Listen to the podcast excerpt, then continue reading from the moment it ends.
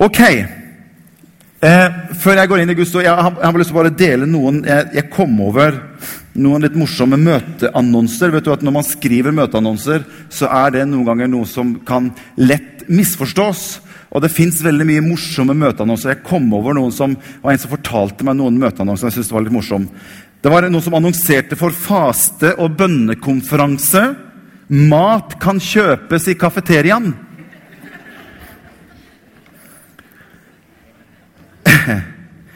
Ikke la bekymring plage deg, la oss hjelpe deg. Og så var det et som stod at tema for kvelden er om helvete. Kom tidlig og hør koret øve.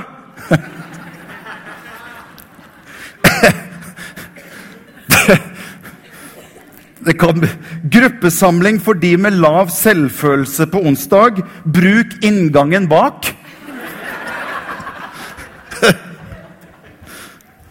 Ok.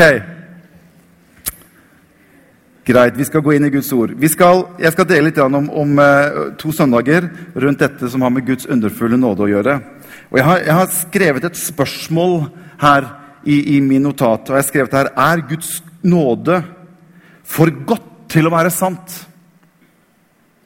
Er Guds nåde for godt til å være sant? Vi, har, vi, vi sier jo det, vet du, nei, det der er for godt til å være sant.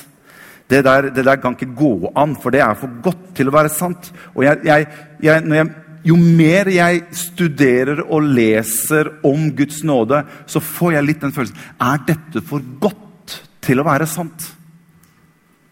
At jeg som egentlig var evig fortapt, uten egentlig kanskje å fortjene det, nå kan få lov til å arve evig liv uten å fortjene det. Er det for, er det for godt til å være sant? Og Jeg, jeg har lyst til å dele litt rundt det som har med Guds nåde å gjøre. og fra litt forskjellige vinkler. Jeg har noe som jeg ønsker å dele med dere i formiddag, og så kommer jeg til å ta litt neste søndag. Så neste søndag må dere få med dere absolutt. Det blir veldig bra neste søndag. Jeg har noe på hjertet mitt for neste søndag. Du sparer alltid det beste til sist, så den Kiel-feira kan du utsette til eh, mandag. Den går tidlig på mandagsmorgenen også for å komme deg over på ja. Så vi må få med oss neste søndag. Men det er ett skriftsted som står i Romerbrevet kapittel 8 8 vers 31. Som jeg syns er et fantastisk skriftsted oppimot dette som har med Guds nåde å gjøre. Og hele Guds natur, Guds vesen, i kraft av seg selv. For der står det fra vers 31.: Hvis Gud er for oss, hvem er da imot oss? Det er et eller annet, blir litt sånn utydelig på den projektoren her. Hvis Gud er for oss, hvem er da imot oss? Han som ikke sparte sin egen sønn, men ga ham for oss alle. Det ble jo mye bedre.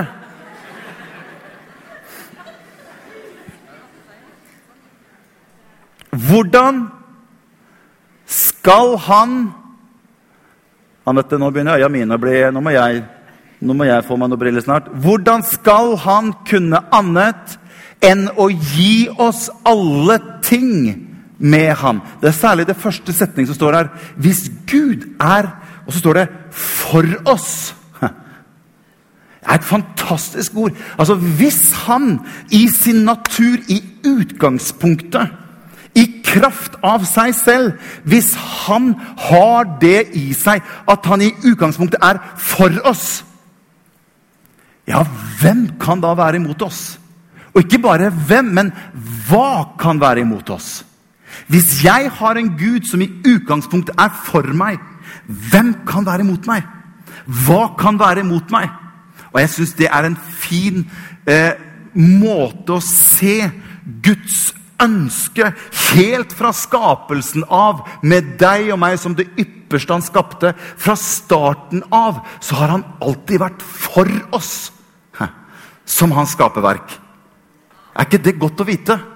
For Noen ganger så har man litt sånn tendens til, og også i kristen sammenheng For jeg opplever noen ganger at noe av dette med nådens budskap blir kanskje mer attakkert på innsiden enn fra utsiden. Det er jo nesten vi som kristne frelste som på en måte prøver liksom å dempe litt dette her som har med nåden å gjøre. Ja, Du skjønner, du må være litt forsiktig med denne nåden, for det er ikke så veldig bra med denne nåden. for Blir det for mye nåde, ja, så, så, så kommer folk til å misbruke denne nåden. og Det blir litt for billig, det blir litt for enkelt osv. Og, så og så får nådens budskap et slags form for angrep fra innsiden som jeg noen ganger hadde jeg vært Jesus, så hadde jeg sagt at den, denne nåden her er absolutt ikke billig. Jeg ga mitt liv for denne nåden. Jeg ofret meg selv for denne nåden. Denne nåden er ikke billig, men det er en gave til deg hvis du vil. Men vi har så lett for å tenke menneskelig sett at ja, det er for godt til å være sant. Vi må, kunne, vi må, vi må jo nesten legge på litt av oss sjøl. fordi at hvis ikke, så blir dette litt for enkelt. Det blir litt for godt til å være sant. Og så tar vi bort noe av selve det som er kraften i nåden. Og det er at det er ingen lovisk gjerning som kan hjelpe deg og meg til noe som helst. Det er kun gjennom Guds nåde at du og jeg kan produsere noe som helst i Guds rike. Jeg er ikke ikke frelst pga. at jeg er en så god og snill mann og gjør så mange gode gjerninger, men jeg er frelst pga. at han ga sitt liv. Og han ga meg denne nåden, og det er i den nåden, vel etablert og rotfestet i den, at det er den som har kraft til å produsere gjerninger fram og igjennom meg. Jeg trenger ikke lenger en lov som skal fortelle meg hva som er rett og galt. Hør hva jeg sier for noe. Men det er nåden i meg som skal fortelle meg hva som er rett og galt. For hvis jeg går bort og spør loven om hva som er rett og galt, så har den ingen kraft i seg selv. Den er impotent. Den har ingen mulighet til å skape frukt. Det er kun gjennom nåden at jeg har mulighet til å bære frukt i mitt liv. Jeg hadde ikke tenkt jeg skulle si dette, i det hele tatt, men jeg har lyst til å bare si det likevel. For Hvis jeg spør kristne i dag er vi under loven eller ikke. Og det er veldig, det er veldig spesielt og merkelig å merke at kristne Nja. Jo, altså Nja Både og. Og vi har en tendens til at vi, vi, vi, vi på en måte rører disse tingene litt sammen. Og så blir det et litt sånn samsurium på hva som egentlig er eller ikke er. Jo, det er klart at vi blir frelst av nåde. Å ja da! Og det er en Guds gave ved tro som vi får. Men når vi har blitt frelst, ja, etter det, ja, da må jeg virkelig ta meg sammen. Ja, da må jeg begynne å gjøre og stramme meg skikkelig opp. For det er sånn, ja, Gud kan godt være fornøyd og glad i meg akkurat nå, men det skal ikke mye til. Det skal ikke mye til for å vippe han av pinnen og bli litt fornærma på deg og bli litt skuffa på deg og på en måte bli litt imot deg fordi at jeg plutselig gjør noe som ikke er riktig. Sånn forkynnelse fins det ekstremt mye av. Hvor vi blander korten litt. Når Paulus er så klar og sier at Kristus er lovens ende for den som arver rettferdighet. Så når jeg har tatt imot rettferdighet, så er jeg på utsiden av loven. Den er ikke lenger for meg. Den har alltid vært mot meg. Det har alltid vært en som har ønsket å på en måte alltid bare peke på alt det gale jeg greier å gjøre, uten at den greier å hjelpe meg overhodet. Men nå har det kommet noe annet som er så mye mye bedre. Som ikke bare kan få lov til å vise meg hva jeg bør justere, men den har kraft i seg til å hjelpe meg på veien, slik at jeg kan være med å produsere det som har med frukt å gjøre i livet mitt. Hør, det er en totalt annen tankegang når jeg prøver å prestere noe for å oppnå. Jeg kan aldri gjøre en gjerning for å på en måte prøve å blidgjøre Gud. på en eller annen måte.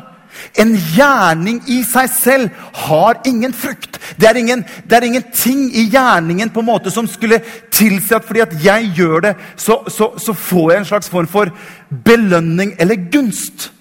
Hør! Gjerninger i Guds rike er alltid en frukt. Ser du forskjellen på de to tingene? For hvis loven sier til meg 'du må jo gjøre', Hvis loven kommer til meg og sier ja, men du burde egentlig ja, men du burde egentlig be litt mer. Ja, Du burde egentlig ha lest Guds ord litt mer. Du burde egentlig gjøre litt mer gode gjerninger. Og hør, Det kan høres riktig ut, men det har ingen frukt i seg. Jeg skal be mer, jeg skal lese Guds ord mer, jeg skal gjøre gode gjerninger. Hør, som en frukt av nåden som får lov til å gjøre sitt verk i meg. Og ut av nåden springer det frukt. Ikke fordi jeg tar meg sammen og gjør det, nei, men fordi at livet på innsiden av meg produserer frukt. Det er derfor det står i Hebrebrevet kapittel 13 og vers 15 det står, La oss da ved ham stadig frem, komme frem for Gud med vårt lovprisningsover. Så står det det vil si frukt av lepper som priser hans navn. Det er stor forskjell på lepper som priser hans navn, og frukt av lepper som priser hans navn. Jesus sa det om fariseerne. De, sånn, de ærer meg med leppene sine. Det er akkurat det samme som jeg gjør en gjerning ut ifra at loven forteller meg at jeg gjør det. Og Jesus sa de gjør gjerninger ut ifra at loven ber dem om å gjøre gjerninger. De ærer meg med leppene sine, hør, men hjertet deres er langt borte fra meg. Det har ingen frukt. Det vil ikke produsere noen ting. Men når livet ifra nåden får lov til å produsere, da kommer frukten av seg selv. Som et resultat av at jeg har nåden i meg. Og hva er nåden for noe? Eller for å si det på en annen måte hvem er nåden? Hans navn er Jesus. Nåde er ikke snakk om noen gjerninger eller noe som jeg prøver å få til, men nåden er en person. Loven kom ble gitt med Moses, men nåden kom med Jesus. Loven var en bokstav, nåden var en person. Det er stor forskjell. Det er en fantastisk stor forskjell. Og hør Det er dette som jeg har lyst til å bare dele noen ting med dere for meg. Har dere litt tid? Bra. For skjønner, Paulus er den som på en måte eh, underviser kanskje aller mest om dette som har med rettferdiggjørelse av tro, nådens budskap, fordi at Paulus får et spesielt kall til å være med og sette disse tingene i rette skikk. Han er den som har skrevet to tredjedeler av hele Det nye testamentet. Og Paulus underviser fantastisk om dette i romerbrevet. Romerbrevet, jeg mener, Ta dere litt tid i sommer og les romerbrevet. Fantastisk! Når Martin Luther han sa at han studerte romerbrevet om igjen og om igjen. Og jeg ble aldri mett, sier Luther når han, når han studerte romerbrevet. Og han sier det er noe av det som kanskje har påvirket den kristne historien mest av alt. Det er mesterverket fra Paulus selv. Det er romerbrevet. Men Paulus, når han underviser om nåden, når Paulus begynner i kapittel 5 Håper ikke jeg går for fort fram, dere som skal tolke. Stakkars dere, nå går det fort her. Jeg kjenner det på meg at jeg ligger for langt framme i forhold til hvor huet mitt er. Nå er det Morten som bare preker ett minutt lenger fram enn det han selv har kommet. Så jeg, nå vet ikke jeg hva som kommer der, eh, der framme. Men vi husker på dere, eh, dere som skal tolke. Hør! Paulus begynner å undervise om nåden. Og Når han begynner blant annet i kapittel 5 å undervise om dette som har med Guds nåde, så er Paulus så radikal i sin forkynnelse. Og hør hva jeg sier for noe nå. Legg merke til når Paulus selv begynner å undervise om Guds nåde, og han kommer til et punkt Når du bikker over i kapittel 6, så begynner folka liksom å klø seg litt i huet. Og så begynner de å si til Paulus Men Paulus, kan vi bare da fortsette å synde? Så nåden kan bli enda større? Altså, hans, hans vektlegging av Guds nåde var så radikal at de folka som satt og hørte på selve Paulus, de begynte å lure ja, men da kan vi jo bare fortsette å synde. For vi har jo Guds nåde. Selv Paulus stilte de det spørsmålet til. Og så sier Paulus noe veldig, veldig bra. Fortsett å synde, sier han. Langt være derifra. Absolutt ikke! Og så sier han, hvordan er det mulig at vi i det hele tatt kan synde, du og jeg, som er død bort ifra synden? Så Paulus han måtte på en måte liksom, i sin radikale undervisning om Guds nåde så måtte han på en måte gå inn og så måtte han justere Gud og vet du hva, nåden er ikke en anledning for kjødet til å gjøre akkurat som det vil. Nei, da har du misforstått totalt. For vi er død bort ifra synden. Og så kom, Dette skjer da i Romerbrevet kapittel 6.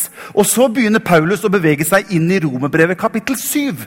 Og Det er der jeg ønsker at vi skal gå inn og så skal vi se litt hva Paulus sier fra vers 1 i Romerbrevet kapittel 7 og vers 1. Henger det med fortsatt?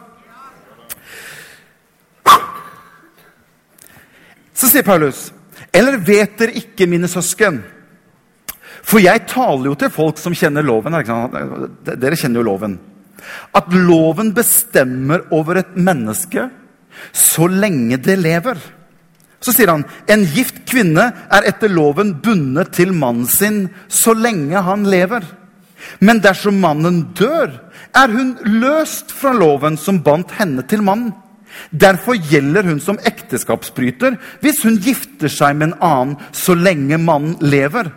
Men dersom mannen dør, er hun fri fra loven og bryter ikke ekteskap om hun gifter seg med en annen. Slik er det også med dere, mine søsken. Gjennom Kristi kropp er dere døde for loven. Dere tilhører en annen, han som er stått opp ifra de døde, for at vi skal Hva står det for noe? Hva står det for noe? Hva skal vi gjøre for noe?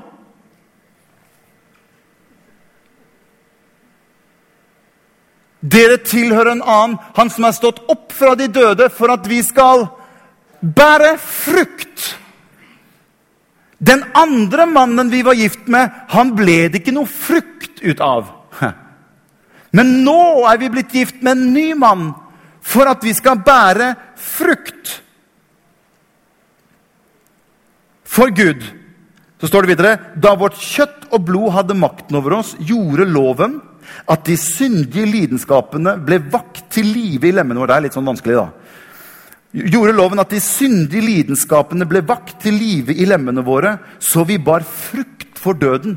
Det eneste loven greide å gjøre med deg og meg, vet du hva det var for noe? Det var å ta noe av syndens natur i oss. Det skapte egentlig det motsatte av det det ønsket. Det skapte bare synd og død, fordi det var ikke noe liv i loven. Og så står det men nå er vi løst fra loven. Vi er døde fra det som bandt oss. Derfor tjener vi Gud i et nytt liv i ånden og ikke i det gamle etter bokstaven. Hvor mange var det som greide å følge med på dette her? Dette er komplisert. Dette her er, det, dette her er, dette er ikke Life ABC helt ned på A. altså. Dette her er litt lenger uti. Men hør. Dette er Paulus som skriver.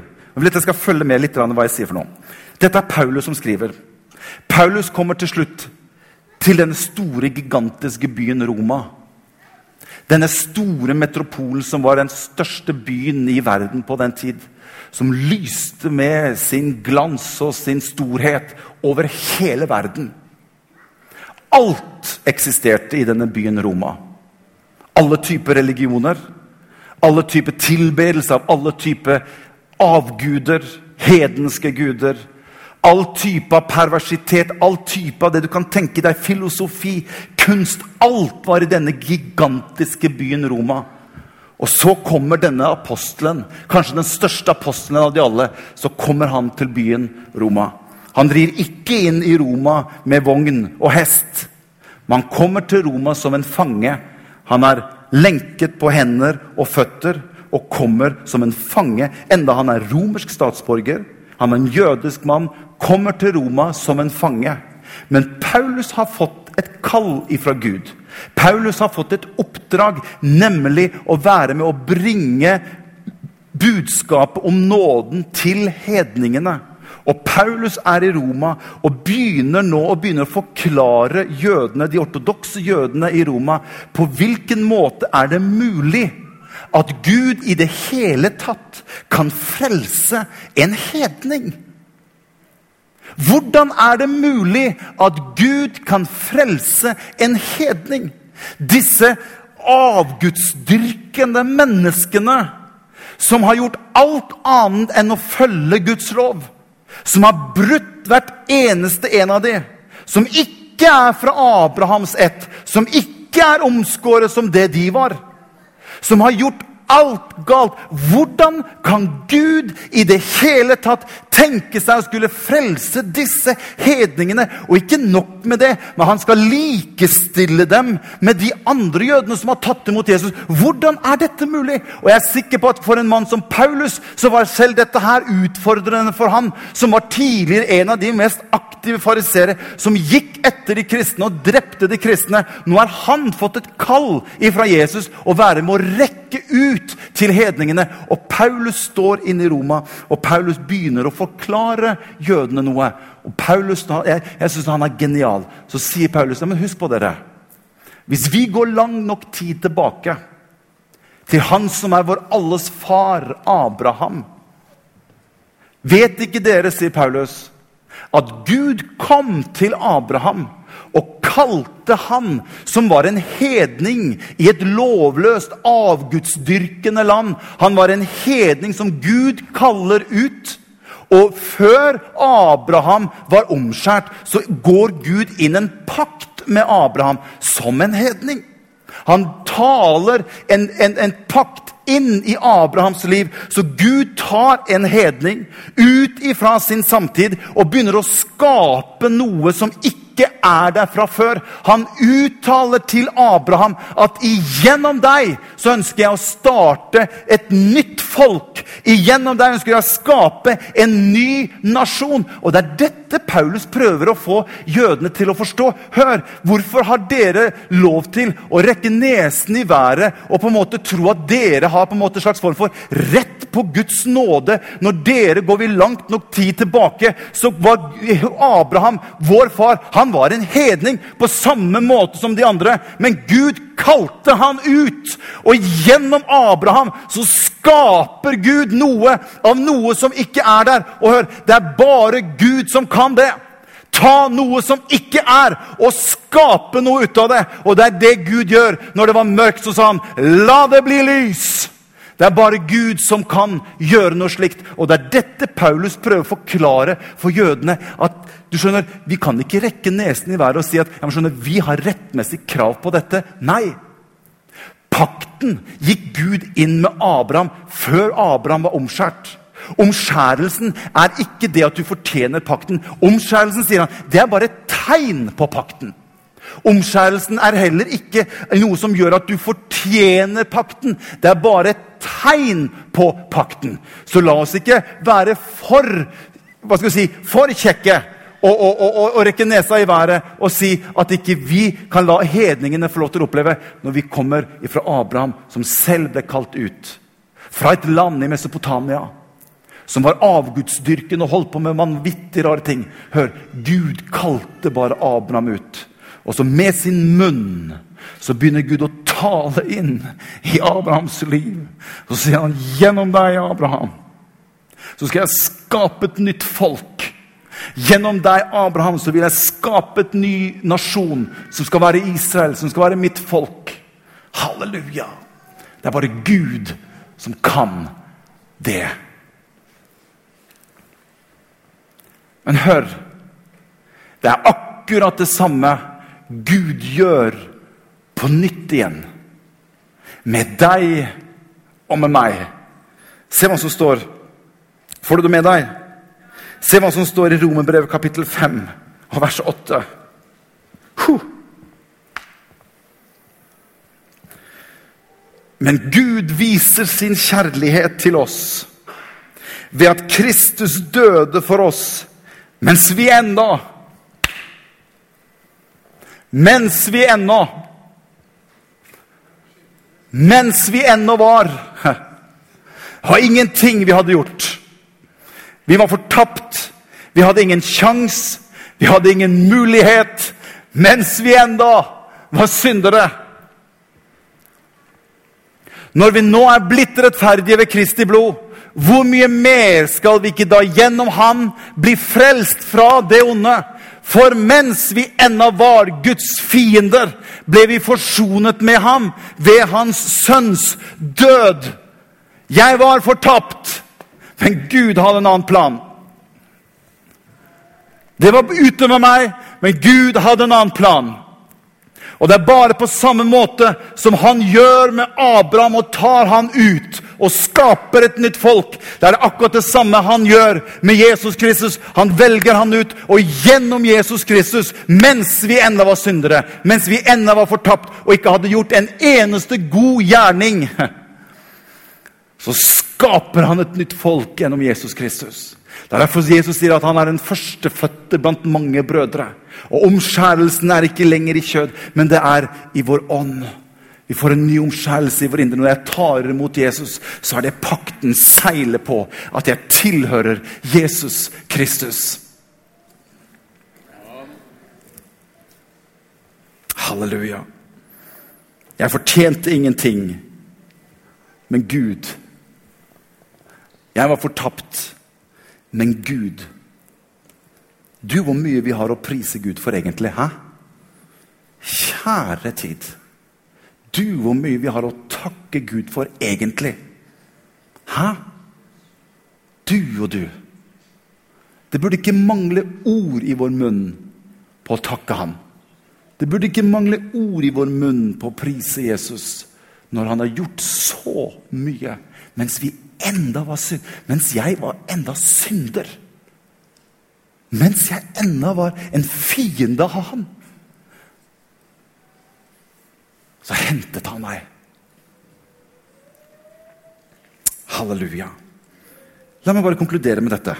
La meg bare zoome det litt inn. For du skjønner, Det som er litt utfordring i teksten som Paulus sier her, det er at Gud i utgangspunktet er gift med Israel. Gamle testamentet forteller at Gud var gift med Israel og kaller Israel for hans hustru. Spørsmålet er jo her hva skjer hvis Gud skal snu seg bort og gifte seg med Guds menighet? Kan Gud være gift og ha to hustruer? Nå er vi oppe på E, F og G. Hva må Gud gjøre for noe? For han er bundet til sin hustru. Han må dø. Det er det Paulus sier. Men om han dør, da er hun fri. Jesus dør. På den måten oppfyller han hans krav til den gamle hustruen. Og på den måten oppfyller han hele loven og profetene. Alt som han var obligert til å stå inne for, oppfyller han i. Og Bibelen sier han tok med seg hele den gamle pakt i sin død. Den pakt han hadde inngått, var nå over. Og han står opp igjen. Og det gjør at du og jeg kan få lov til å ta imot Jesus. Men så sier Paulus at det er ikke bare han som skal dø. Du og jeg, vi må dø, vi også. Så jeg tar imot Jesus, legger ned mitt eget liv. Og her er det ofte at dåpen kommer inn i bildet. For mitt gamle menneske begraver jeg som et bilde. Og så står jeg opp igjen til å være sammen med Jesus. Han er min brudgom. Jeg er hans brud. Og ikke bare nok med det, men når Jesus henger på korset og dør, så står det han roper ut 'det er fullbrakt', og han åpner opp inne i tempelet. Det som hadde holdt folket på avstand, det deler han i to. Og så står det at når Gud har banet en ny og levende vei like inn i hans helligdom La oss med frimodighet tre like inn for nådens trone. Og gjennom hans død og gjennom hans oppstandelse så gjør han det mulig for alle mennesker. Og Det er derfor Paulus sier nå er det ikke lenger jøde eller greker. Nå er det ikke lenger fri eller trell eller kvinne eller mann. Men alle mennesker kan få lov til å komme inn og dele det som han har gjort for oss gjennom sin død, gjennom sin oppstandelse på Golgata kors. Han gjorde det mulig mens jeg enda var fortapt, mens jeg enda var en synder, til at jeg kunne få lov til å komme inn og ta del i det livet som han har for meg. Og alt folket sa Amen. Halleluja. Vi kan reise oss opp, alle sammen. Hvis ikke dette er underfull nåde Hvis ikke dette er underfull nåde, så vet ikke jeg hva han har gjort for deg og meg. Oi, oi, oi. Spørsmålet mitt litt før vi går hjem, det er hvem er du gift med? Hvem er du gift med? Ja, jeg tenker ikke på deg og Kjersti. For du skjønner, vi har så lett av og til for å lytte til den gamle ektemannen. For av og til så prøver han gjennom den onde å nå oss med å prøve å få oss inn i hans loviske måte å tenke på. Hvem er du gift med? Du skal vite at du er fri ifra den gamle ektemannen. Han har ingen lenger mulighet Du har giftet deg med Jesus. Og hør, hva er det vi synger i denne sangen? Christ is enough for me. Christ is enough for me. Han er nok. Han er nok. Du trenger ikke å flørte. Du trenger ikke å leke med den gamle mannen. Du har fått en ny mann gjennom Jesus Kristus. Og han har alt du trenger til liv og overflod i ditt liv. Halleluja. Jeg, denne kommer jeg til å høre. Morten, jeg kommer til å høre på deg på MP3-senteret. Jeg kommer ikke til å spole en eneste gang. Det lover jeg deg, Morten. Tusen takk skal du ha. Dette er fantastisk. Og jeg merker bare når jeg sitter og leser Jeg får en sånn ydmykhet. Jeg får en sånn, jeg får en sånn ærefrykt. For når jeg, du merker den storheten av Guds nåde, som bare, som bare, brer seg over deg. Og du kjenner at her er du ute på ting som er så vidt, som er så dypt, som er så bredt at jeg greier ikke å se alt sammen. Så merker du bare at Den hellige ånd han tar deg på noen sånne flukter av og til. Og så skuer du bare inn i enda mer av Hans gode nåde. Halleluja. Halleluja. Kan vi ikke lukke øynene våre alle sammen?